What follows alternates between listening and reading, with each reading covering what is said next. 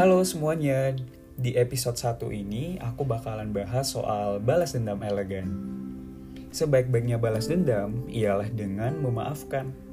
Daripada energi kita habis untuk membenci, mending dimanfaatkan untuk meningkatkan prestasi. Sedikit tidak mudah untuk kita bisa bertumbuh pada saat masih ada kejanggalan dalam hati. Tentang sudut pandang.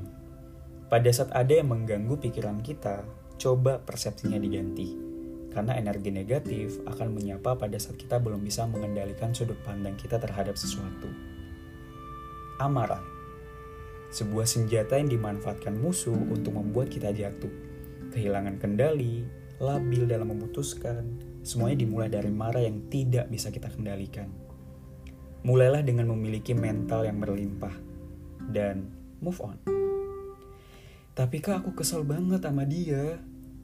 Pertama, pada saat kamu kesal dengan dia, belum tentu dia lagi mikirin kekesalan kamu. Dua, harusnya energimu ini difokuskan pada hal yang membuatmu bertumbuh, bukan malah membuatmu semakin memburuk.